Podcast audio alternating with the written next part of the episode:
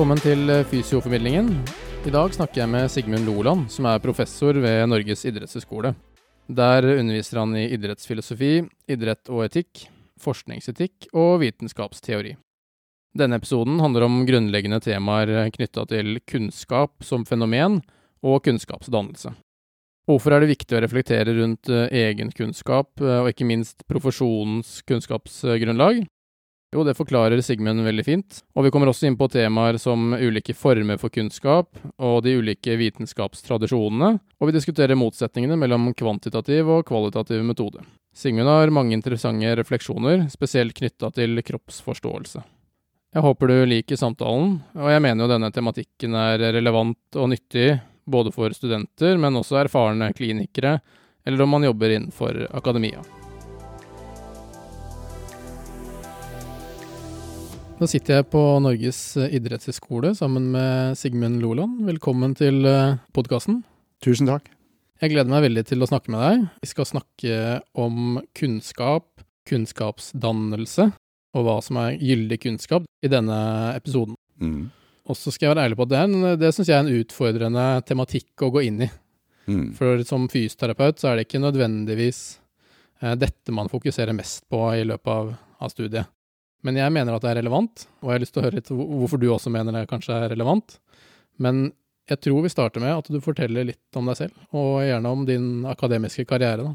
Eh, jeg begynte på lærerskolen en gang i tida. Gikk to år. Kjeda meg noe fryktelig. Sikkert min feil. Jeg var ikke klar for det faget. Så begynte jeg på idrettshøyskolen i 79, eh, og det var en stor eh, opptur for meg. En ting er idrettsbakgrunn og glede over idrett. En annen ting er det vel av kunnskapsperspektiv du fikk på et førsteår i år. Alt fra anatomi til egentlig filosofi og samfunnsvitenskap, psykologi. Eh, og jeg ble interessert i kunnskap, kunnskapsutvikling, det å forstå bevegelse på ulike måter, det å forstå kroppen på ulike måter. Og eh, interessert i filosofi, så studerte jeg idéhistoriefilosofi på Universitetet i Oslo. Studerte også i norsk, nordisk. Tilbake til NIH og tok, tok det som den gang et mellomfag, tilbake til NIH og to hovedfag, skrev om etikk og doping. Jeg hadde et år i USA på et eh, stipend, kom tilbake og begynte på doktorgrad, som handla om idrett og etikk, fair play-ideen. Så disputerte jeg i januar 1990. Du spurte om min akademiske karriere, så det var utdanningsløpet mitt. Og så har jeg òg vært involvert i ski, alpint, jeg har trenerutdanning i alpint, jeg hadde ansvar for trenerstudiet vårt. Har skrevet litt om å forstå teknikk og bevegelse på ski. Så jeg brukte en del i trenerutdanningen, og jeg jobber for Skiforbundet sånn deltid noen år. På ulike nivå, talentsamlinger osv. Så, videre. så jeg har òg en trenerbakgrunn. Og så har du en del verv også, stemmer ikke det? Jo, så har jeg vært engasjert i Den internasjonale idrettsfilosofiorganisasjonen, der jeg var president en periode. Så har jeg vært engasjert i det som heter European College of Sports Science, som er en europeisk sammenslutning av alle former for idrettsvitenskap. Der har jeg sittet i styret og vært president en periode, og det er veldig interessant erfaring. Der politikk møter fag. Fagpolitikk møter akademia. Så har jeg vært rektor på idrettshøyskolen i åtte år. Jeg Har vært instituttleder, seksjonsleder, så jeg har prøvd eh, mange av disse vervene òg. Så det har vært en interessant erfaring. Der du jobber med fag og kunnskap, og forståelse av kunnskap, organisering av kunnskap. Og så jobber du med ledelse, organisering av mennesker, eh, finne kompromisser. Politikk er det muliges kunst, sier man. Eh, og noen ganger møte akademiske krav den praktiske verden, og du må finne kompromisser. Så eh, det har også vært en interessant del av karrieren. Hvilke spørsmål er det idrettsetikken og idrettsfilosofien opptar seg med? Det er nok ulike typer eh, idrettsfilosofi. Du har en analytisk type som er veldig opptatt av begreper, lek, spill, idrett, definisjoner. Er sjakk idrett? Hvordan forholder vi oss til e-sport? Eh, og på et dypere, Det ble mye semantikk, men på et dypere nivå Hva er lekens og spillets egenart som menneskelig praksis? Går det an liksom å definere ut noen kjennetegn som er spesifikke for disse menneskelige praksisene, som du ikke i samme grad finner i arbeid, instrumentell aktivitet? Så det er en analytisk angloamerikansk versjon, og så har du mer en kontinental versjon av idrettsfilosofien, som er opptatt av fenomenologi, analysen av uh, opplevelse, det umiddelbare i idrett. Deler av dette grenser mot uh, psykologi, flow, helhetsopplevelser. Det er en litt annen tradisjon. Og hva er det spesifikke med tennis? Hva er det spesifikke med skigåing? Jeg jobber med en svensk kollega på en artikkel som handler om å gli. Og det er en fenomenologisk analyse av opplevelsen å gli på et underlag. Og noen idretter bygger jo på det. Eh, mennesker som har ingen erfaring med gli på et underlag, eh, de blir livredde når de glir. Så hva, hva handler det Hva kjennetegner gli som menneskelig opplevelse? Og hva kjennetegner de idrettene som involverer gli, som dyrker gli? Ski, skøyter, i og for seg svømming, gli gjennom vannet. Minimalisere friksjon. Og eh, vi har en hypotese om at idretter der gli er et sentralt element, de idrettene som har stått i opposisjon til det etablerte idrettssystemet, er ofte idretter der gli er et sentralt element. Alternative idretter. Men det er noe vi jobber med. Jeg vet ikke om hypotesen holder. Men jobben går på å analysere gli som bevegelse, fenomenologisk, og så spørre er det noe som kjennetegner gliidretter sånn sosiokulturelt. Så vi får se hva vi kommer opp med. Det, det er et litt spekulativt prosjekt. Ja. Men det er interessant. Jeg ønsker at vi senere i samtalen kommer litt inn på forståelsen av kropp, ja. som du er opptatt av. Mm. Noe av bakgrunnen for hvorfor jeg syns eh, tematikken kunnskap og kunnskapsdannelse er interessant, det stammer også litt fra historien til fysioterapien, som gjerne har vært et veldig praktisk retta fag. Eh, og så har det med tiden sklidd litt over og blitt et mer akademisk fag. Og her kommer det med en gang noen motsetninger. Det er litt interessant på flere måter, f.eks. type kunnskap, dette med erfaringskunnskap kontra eh, teoretisk kunnskap, ulike typer former for kunnskap. Men kan vi, kan vi si noe om hva kunnskap er? Stort spørsmål. Eh, det finnes jo mange former for kunnskap. Eh, du har en praktisk kunnskap eh, som du som fysioterapeut besitter i, eh, i eh, behandlingen av en pasient, i diagnostisering, i det å se en pasient, i å forstå hva pasientens utfordring og problem er. Og det å lage en plan for rehabilitering, det bygger jo delvis på din utdanning og din teoretiske innsikt i menneskekroppen, men det bygger òg på din tause kunnskap, din praksiskunnskap, din erfaring akkumulert over mange år, gjerne i, eh, sammen med en erfaren kollega. En, I gamle dager var det snakk om mester og lærling. Du lærer gjennom praksis grepene, måten å se på, måten å forstå bevegelse, det å forstå en bevegelseshistorie til et menneske, det å se et rehabiliteringsprogram, det er en veldig dyp form for kunnskap som inneholder mange element, men det er en taus dimensjon i en sånn kunnskap. Det er ikke noe magisk i den tause dimensjonen, det har med erfaring og innsikt å gjøre. Magisk er noe som er kanskje vanskelig å, å håndfast ta og føle på, for det har òg med talent å gjøre noen har en gave for ting. Vi har ulike talenter, ikke sant. Og, og, og en dyktig fysioterapeut har også et talent for fysioterapi. Og det er en taus dimensjon i kunnskapsutviklingen som ekspertiseforskere er veldig opptatt av. Hva er ekspertise? Ekspertise er evnen til å kombinere den kjente kunnskapen på nye måter, og noen ganger være innovativ og utvikle ny, ny form for kunnskap. Og under denne innovative kunnskapsutviklingen ligger det et talent. Og den tause kunnskapen, ekspertisen, er den samme i ulike, ulike bransjer. Du kan si den, den astrofysikeren bygger modeller av universet. Snekkeren bygger hus. Den gode snekkeren og den gode astrofysikeren har noe til felles, og det er en sånn taus ekspertisekunnskap. Så du får igjen Du får grunnlaget gjennom utdanning, og så tar du det siste trinnet gjennom en type talent, en egen evne til å kombinere kjente og ukjente elementer og gjøre, gjøre nye ting, drive kunnskapsutvikling. Og så lever vi i en verden nå der vi har veldig mange ulike typer kunnskap. Vi har uh, veldig subjektive former, du finner det på internett, du har synspunkt, du har spekulasjon. eh, du har magi, du har religiøs tro, og så har du forskning og vitenskap, og det vi gjerne kaller for evidensbasert kunnskap, f.eks. i ditt fag, fysioterapien, som man er veldig opptatt av. Og denne evidensbaserte kunnskapen, det er vår rolle på universiteter og høyskoler å representere og sørge for, og ha god kvalitetssikring på. Og i en verden som flommer over av synspunkt og kunnskap, så framstår det som viktigere enn noensinne. For evidensbasert kunnskap og vitenskapelig kunnskap er ikke 100% sikker kunnskap men vil jeg hevde, og mange med meg, det er den beste vi har. Det er tross alt den beste vi har. Kunnskapssystemet i vitenskap drives fram i prinsipp av en åpen og kritisk etterprøving. Du tar ingenting for gitt, du har et nytt rehabiliteringsregime, der er ulike syn på hva man gjør med kneskaden, med er det konservativ behandling, er det kirurgi, ikke sant. Det er mange sånne diskusjoner i alle fag, og i fysioterapien. Um, og så tester du ut behandlingene kritisk åpent, systematisk, og så ser du hvor, hvor evidensen. Hvor tilsynelatende så er det evidens for at denne strategien er bedre enn denne strategien. Det er det beste vi har. Perfekt? Nei.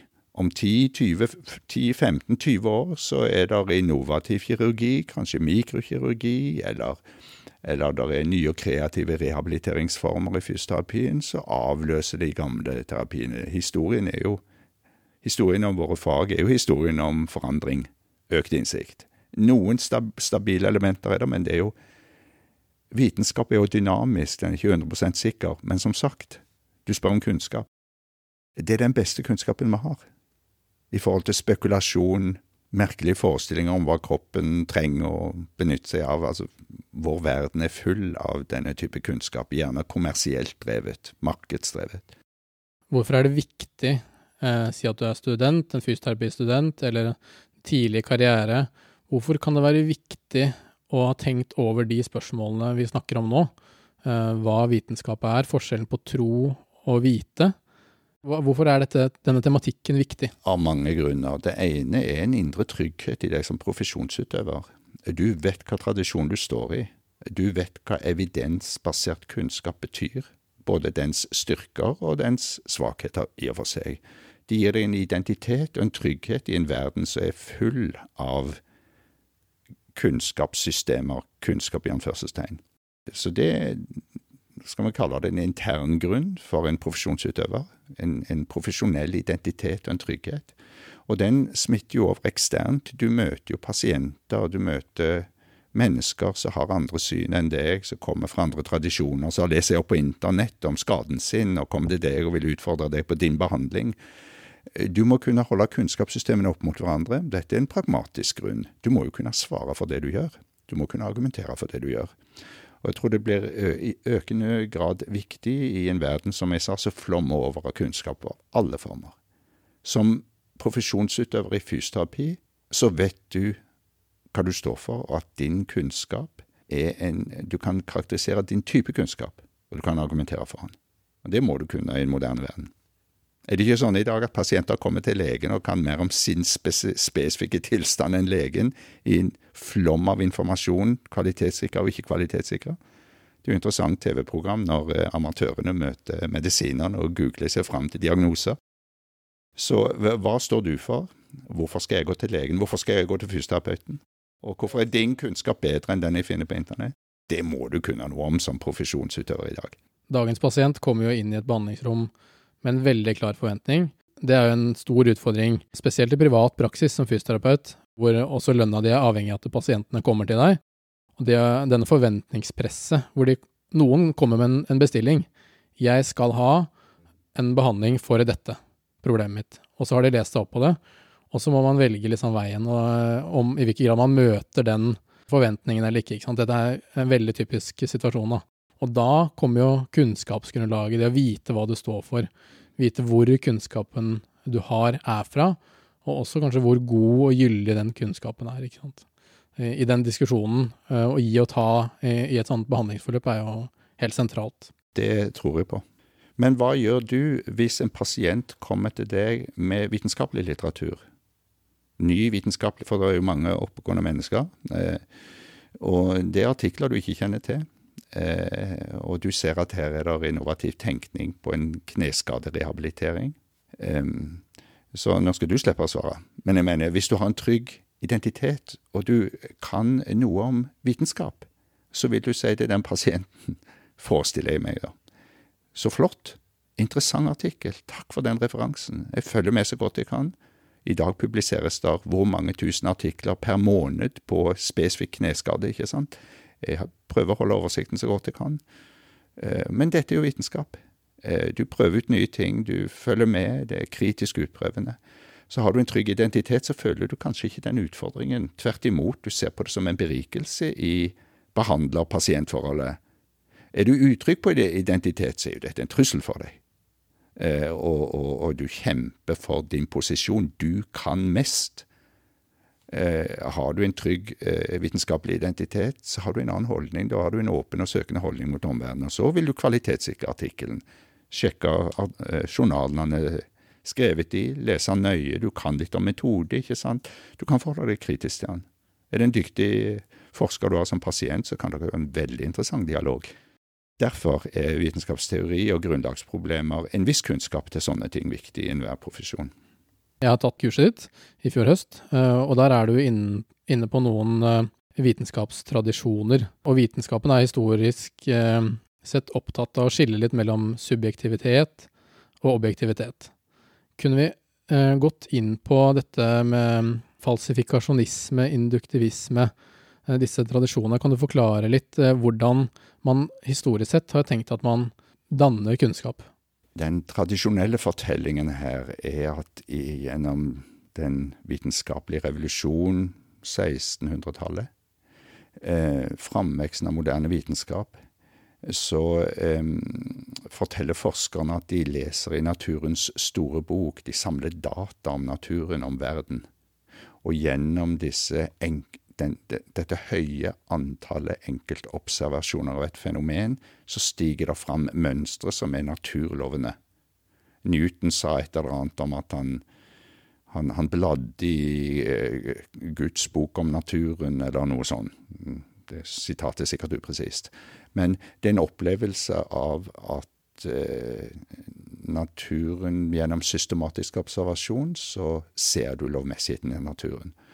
Og naturen og verden og menneskekroppen, eh, fra kat, den, det som kalles den kartesianske dualismen, det at kropp og sjel er to forskjellige substanser.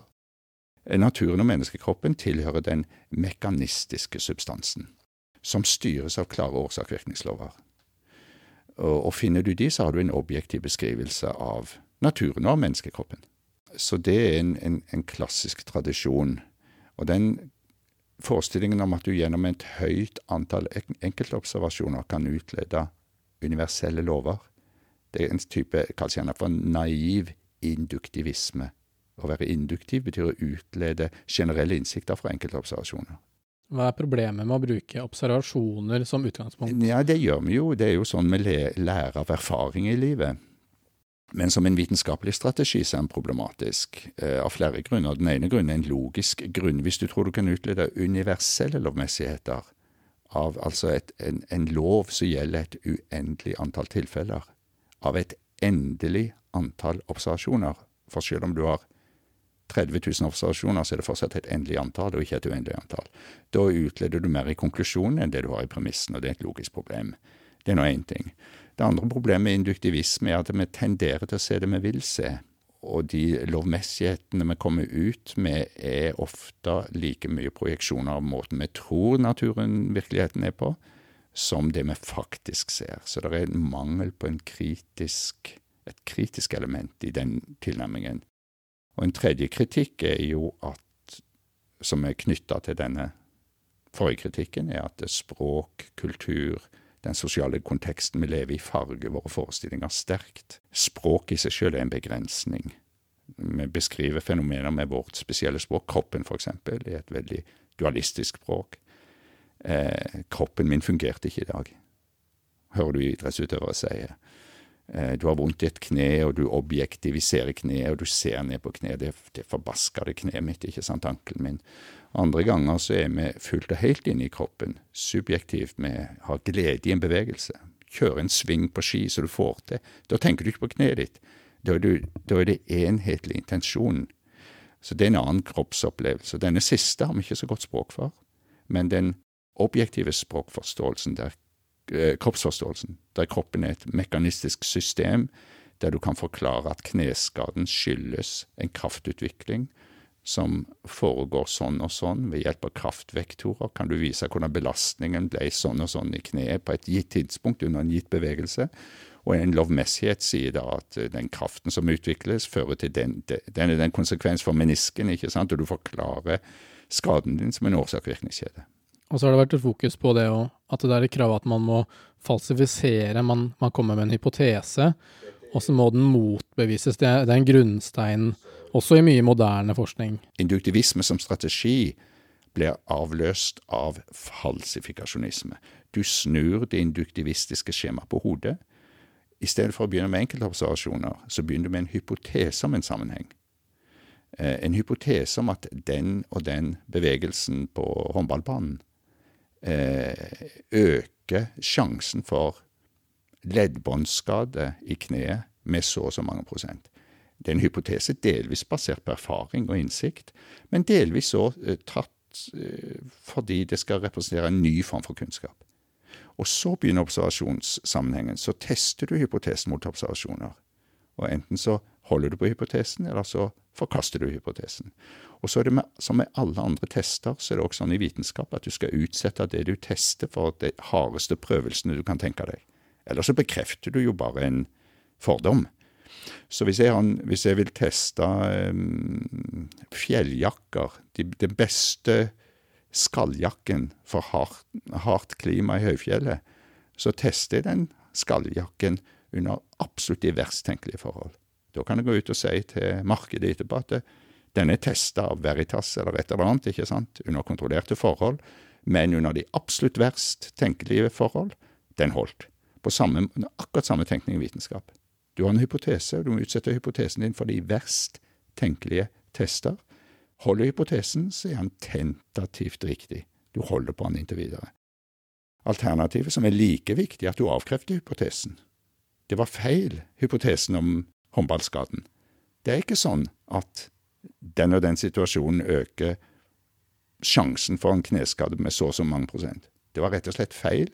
Hvis det er en allment utbredt forestilling i håndballmedisin, så er det jo ekstremt viktig at forskeren tester og kan avkrefte. Så avkrefting av hypoteser er minst like viktig i vitenskap som jeg vil ikke si bekreftelse, men ikke avkreftelse. Det at du holder på hypotesen inntil videre det, gjør, det, gir vitenskapen en kritisk dimensjon som veldig få andre kunnskapssystemer, ingen andre kunnskapssystemer har i samme grad. Og dette er utvikla på raffinerte måter i vitenskapelig metodologi.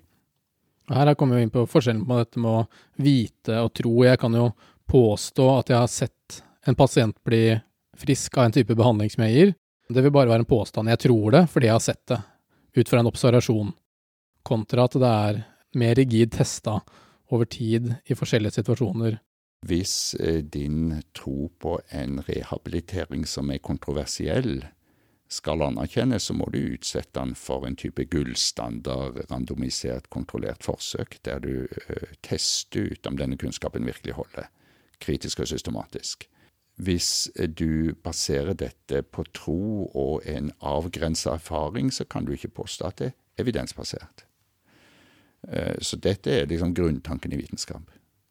Tilbake til Newton. Jeg bare nevnte Newton som induktivist. Newton beskrev seg sjøl som induktivist, men en av de mest radikale og dramatiske Eller radikale og mest innflytelsesrike hypotesen i vitenskapens historie er jo hypotesen om gravitasjonskraften.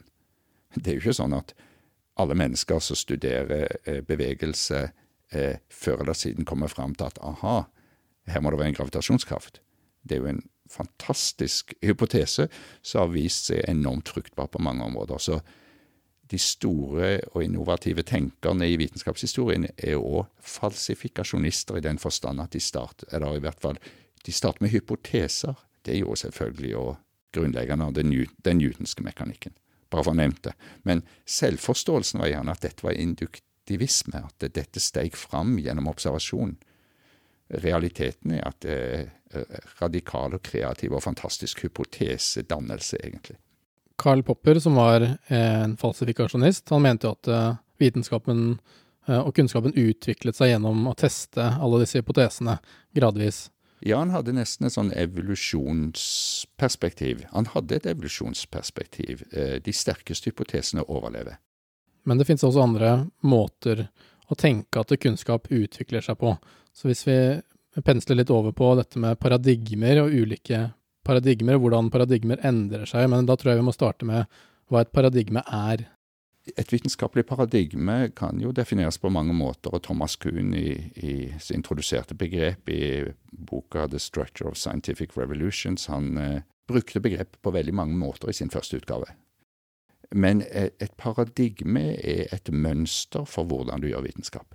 Hvis du som fysioterapeut lærer kroppen som biomekanikk og fysiologi, så introduseres du til et, til et paradigmatisk forståelse av kroppen som et mekanistisk system. Som et, litt enkelt sagt, et årsak-virkningssystem. Eh, og det er en måte å se kroppen på forsøksvis objektivt en annen paradigmatisk for, et annet mønster i kroppsforståelsen, å se kroppen som uttrykk for intensjonalitet. Bevegelse er et uttrykk for en type helhetlig intensjonalitet, og en søken etter, kall det gjerne mening, meningsfylt bevegelse, eller funksjonell bevegelse. Eh, og der er ikke kroppen samme, på samme måte et mekanistisk system, men et søkende og skapende system, som søker mening i samspill med omgivelsene, konstruerer mening gjennom bevegelse. Og Det er en annen måte å forstå kroppen på, en type fenomenologi. Og I et fenomenologisk skjema er kroppen både et objekt og et subjekt. En klassisk eksempel er eh, eh, grip rundt ditt venstre håndledd. Da objektiviserer du ditt venstre håndledd. Noen av oss må tenke et halvt sekund hva er nå venstre og hva er nå høyre, og så ser du ned på ditt venstre håndledd. Og så adlyder du ordren grip rundt ditt venstre håndledd.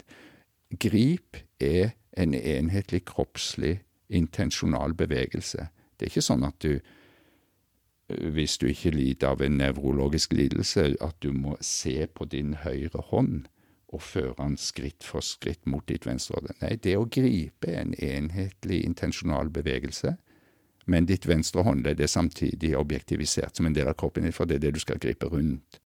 Og fenomenologen er opptatt av livsverden, den opplevde bevegelsen. I det klassiske paradigmet, så i større grad det som er mekanistisk, er man opptatt av det objektivt, det objektivt målbare og kausalforklaringer, årsaksforklaringer. Står disse i veldig stor grad i kontrast til hverandre, eller utfyller de hverandre? For her er det jo en, eh, det jo en tradisjon, sikkert i mange fagfelt, men også innenfor fysioterapien, som står Vi har psykomotorisk fysioterapi, som gjerne er veldig fokusert på det fortolkende. Og så har vi jo det, eh, det mekanistiske, hvor vi ser på det du eh, har gode eksempler på, type skader, hvordan skader oppstår, ved å se på valgus i knærne, knevinkel. Vi, vi, vi, står som en profesjon i en sånn spenning mellom disse to. Vi er ikke enten-eller. Men det jeg lurer litt på, eh, for det er veldig tydelig i fysioterapiprofesjonen at det er en slags kamp, men, men er det en falsk kamp? Jeg syns det, for svaret mitt vil være ja på begge spørsmål. Kunnskapsmessig så står de i en kontrast. Samtidig er de komplementære. Så ja, det er en kontrast. Ja, de kompletterer hverandre kontrast. De bygger på litt, ikke bare litt, de bygger på grunnleggende forskjellige filosofiske premisser. Nå velger jeg å forstå natur og kropp mekanistisk. Du er en forsøksperson i, et, i en studie av kneskader, kanskje et rehabiliteringsregime for kneskader, kanskje rehabilitering versus kirurgi for en bestemt type kneskade. Jeg må ta ut din subjektivitet i det forsøket etter beste evne. Om du er i god eller dårlig form den spesielle dagen, om du er øh, oppspent, opprørt, lei deg, ikke sant. Din, dine subjektive følelser der og, der og, da er en feilkilde i mine målinger. Jeg er opptatt av å finne mest mulig objektiv innsikt i forholdet mellom rehabilitering og kirurgi. Fantastisk paradigme, egentlig, som gir oss viktig og avgjørende innsikt i hvordan du behandler en kropp med en skade. Eh, det andre perspektivet bygger på eh, din subjektive tilstedeværelse i verden. Din opplevelse av din egen kropp og av hvordan det er å være skada. Skadepsykologien er sannsynligvis en viktig del av fysioterapien, idrettsfysioterapien. Så innsikten i din eh, subjektive opplevelse av din egen skade, innsikt i den kulturen, den håndball og kneskader, den håndballkulturen du er en del av, som fører til skader, kanskje, eh, forestillinger om at eh, no pain, no gain skader en del av gamet, du må presse grensene. Så sosiokulturell intersubjektiv forståelse kombinert med subjektiv opplevelse hos individet er òg viktig kunnskap for en profesjonsutøver, vil jeg anta, og ikke bare synet på kroppen som et mekanistisk objektivt system. Så disse to kunnskapsformene samspiller og kompletterer hverandre, men de bygger på veldig forskjellige filosofiske premisser. Jeg kan komme med noen påstander, og motivasjonen eh, er å få fram litt sånn skille, eventuelt det falske skillet mellom disse det, det fortolkende paradigmet, hermenøytiske, og det mer klassiske mekanis mekanistiske. Hvis vi tar det fortolkende først, kan man kalle det vitenskap, det som kommer ut av dette paradigmet, hvis det ikke har prediksjonskraft, eh, eller hvis det ikke er reproduserbart, hvis det ikke er objektivt, sånn som man historisk, vitenskapshistorisk, har, har anerkjent at det, det, må være premisser som er til stede? Uh, om du kan kalle det vitenskap, er det det du spør om? Ja, ja. ja, det vil jeg si. Og om det er gyldig kunnskap som kommer ut av denne? Hva, det kommer an på definisjonen av gyldig kunnskap. Det kvalitative innsteget, eller den kvalitative analysen, skal vise oss hva som er menneskelig mulig. Det er dybdestikk. Du er ikke ute etter den store generaliseringen. Du er ikke ute etter den allmenne lovmessigheten for kraftutvikling og kneskade. Men du er ute etter å forstå ulike typer kontekster mennesker med denne kneskaden lever i, og i og for seg kontekstens påvirkning på fortolkning av kneskaden, og sannsynligvis har det òg en viss effekt for rehabiliteringsprosjektet. Men du er ute etter den spesielle kunnskapen, kulturanalyser, for eksempel. Antropologi, for eksempel. En antropolog eh, er opptatt av det særegne med en kultur. Vi hadde en interessant doktorgrad på idrettshøyskolen for mange år siden nå, men den handla om kroppsbyggerkultur. En ekstrem kulturvariant med utøvere som hadde, hvis jeg husker rett, tre pilarer i sitt liv. Det var trening, mat og dop. Det var det livet gikk ut på. Stå opp klokka fire om natta og spise så og så mange gram kylling, eksempel, kombinert med dopregimer. Dette ser vi utenifra, og vi blir eh, frastøtt, og vi ser på det som absurd og nesten perverst. En kulturanalyse forteller oss hvordan disse menneskene eh, konstruerer mening i sine liv. Det gir oss innsikt i denne kulturen. Generaliserbart? Tja. Men det er en spesiell innsikt i akkurat den kroppsbyggerkulturen som jo bygger på anerkjente kvalitative metoder. Det er ikke rene subjektive fortolkninger, det er intersubjektivitet i spill. En leser som kan metodologien, kan definitivt bedømme om dette er gjort med kvalitet eller ikke. Så det gir en spesiell innsikt. Generaliserbar i betydningen alle kroppsbyggerkulturer er sånn? Nei. Men innsikt i betydningen sånn kan en kroppsbyggerkultur være. Og sånn kan vi forstå kulturen. Nyttig? Vel, det gir innsikt i variabiliteten i menneskelivet og menneskekulturen. Og det er òg nyttig hvis jeg som antidopingperson skal drive holdningsarbeid mot en gruppe mennesker som deler disse forestillingene. Hvordan skal du gå inn, hvordan skal du kommunisere? Så ja, absolutt nyttig kunnskap. Eh, og ja, allmenn i den forstand at det forteller oss noe om hva som er menneskelig mulig men generaliserbar i form av universelle lovmessigheter eller statistiske lovmessigheter. Eh, på ingen, ikke, på, ikke, på, samme måte. Hvis jeg kan ta den motsatte posisjonen, da, hvis vi skal kritisere det klassiske paradigmet, så kommer jeg med en, en påstand som um, kommer fra det som kalles ontologisk reduksjonisme. Det er teorien at uh, helheten av alt kan forklares ved å studere delene. Det er et bastant og litt ekstrem, en ekstrem påstand. Man kan forstå alt ved å, ved å, redusere det til å forstå delene. Hva er det som er problematisk med denne, med reduksjonismen i det klassiske paradigmet?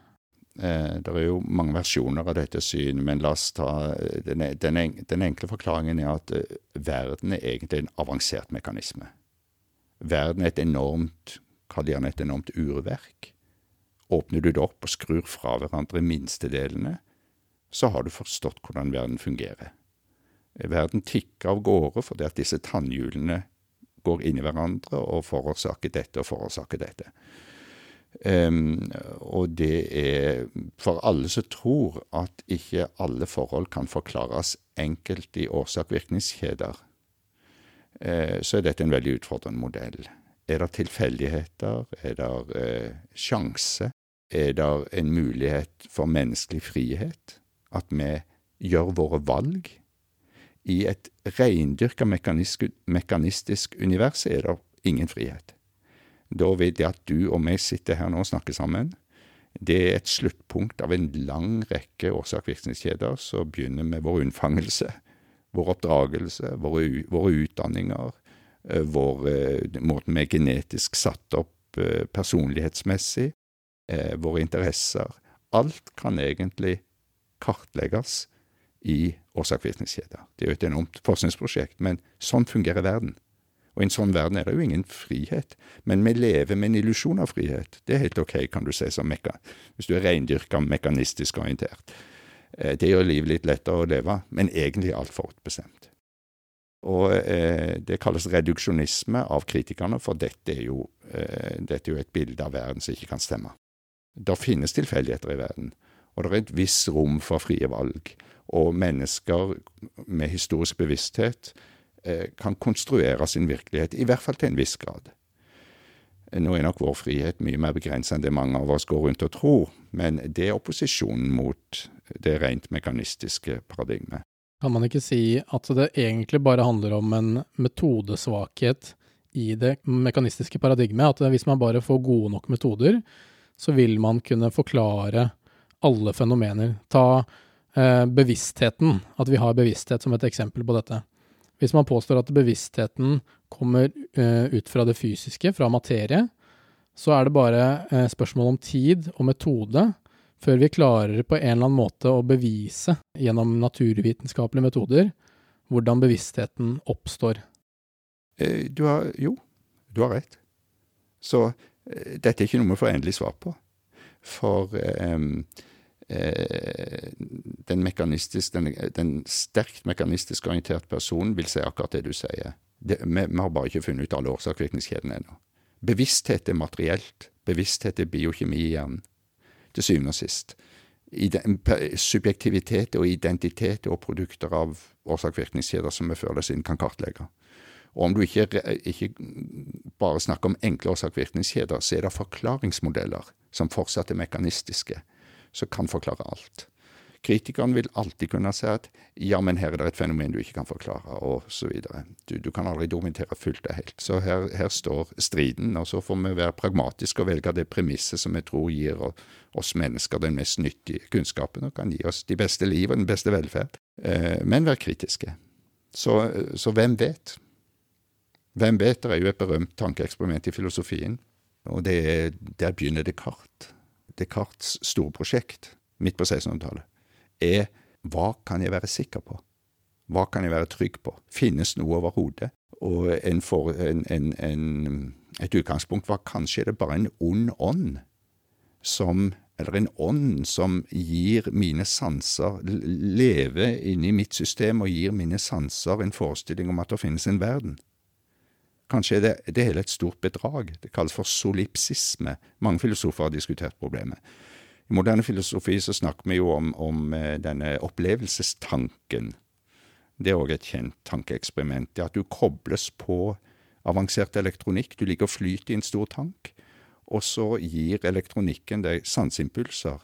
Så gir det et liv. Du opplever et liv. Egentlig ligger du og flyter i en tank, men eh, du, du, opplever et liv gjennom kunstig La oss si det, en virtuell verden som oppleves som virkelig. Dette er tematisert i kunst, i film, i, i filosofi lenge. Ja, vet vi at det ikke er sånn? Nei. Er det fornuftig å gå rundt og tro at det hele er et stort bedrag? Neppe. Gir det oss et godt liv? Neppe. Men eh, la oss være åpne for at det finnes mange måter å forstå verden på. Det er en vitenskapelig holdning. Det syns jeg er fint, uh, fint, sagt om de forskjellige paradigmene. For det uh, målet med å konkretisere det på, med disse spørsmålene er jo bare å, å, søke å få en større forståelse av mulighetene og, og kontrastene og, og, likhetene mellom paradigmene, egentlig. Det var, det var, motivasjonen min for å stille sånne spørsmål. Det kan høres ut som vi er fullstendig relativister. Mm. Finnes det en verden der ute? Når en astrofysiker forteller oss at den 23. juni eh, 2028 så vil det og det fenomenet oppstå. Eh, en måneformørkelse, en solformørkelse, en, eh, Ikke sant? Og det skjer. Da har du en, da, da har du en vitenskap med en predikerbar kraft. Og det er et, et uendelig stort antall eksempler på, bl.a. fra medisin, på at vår kunnskap har predikerbar kraft. Det er en relasjon til en realitet der ute som tilsynelatende virker. Du har skjønt noe. Og på samme måte i kvalitativ forskning. Du har skjønt noe om en kultur. Du har forstått innsiden av kulturen. Måten disse menneskene kommuniserer på og forstår verden på. Det er gjenkjennelig, og så er det samtidig fremmed. Så jeg er ikke representant for ren relativisme, at anything goes vitenskap jobber kontinuerlig med å prøve å forstå den virkeligheten vi lever i, oss sjøl og den virkeligheten vi lever i. Og vi toucher virkeligheten. God vitenskap virkelig toucher virkeligheten.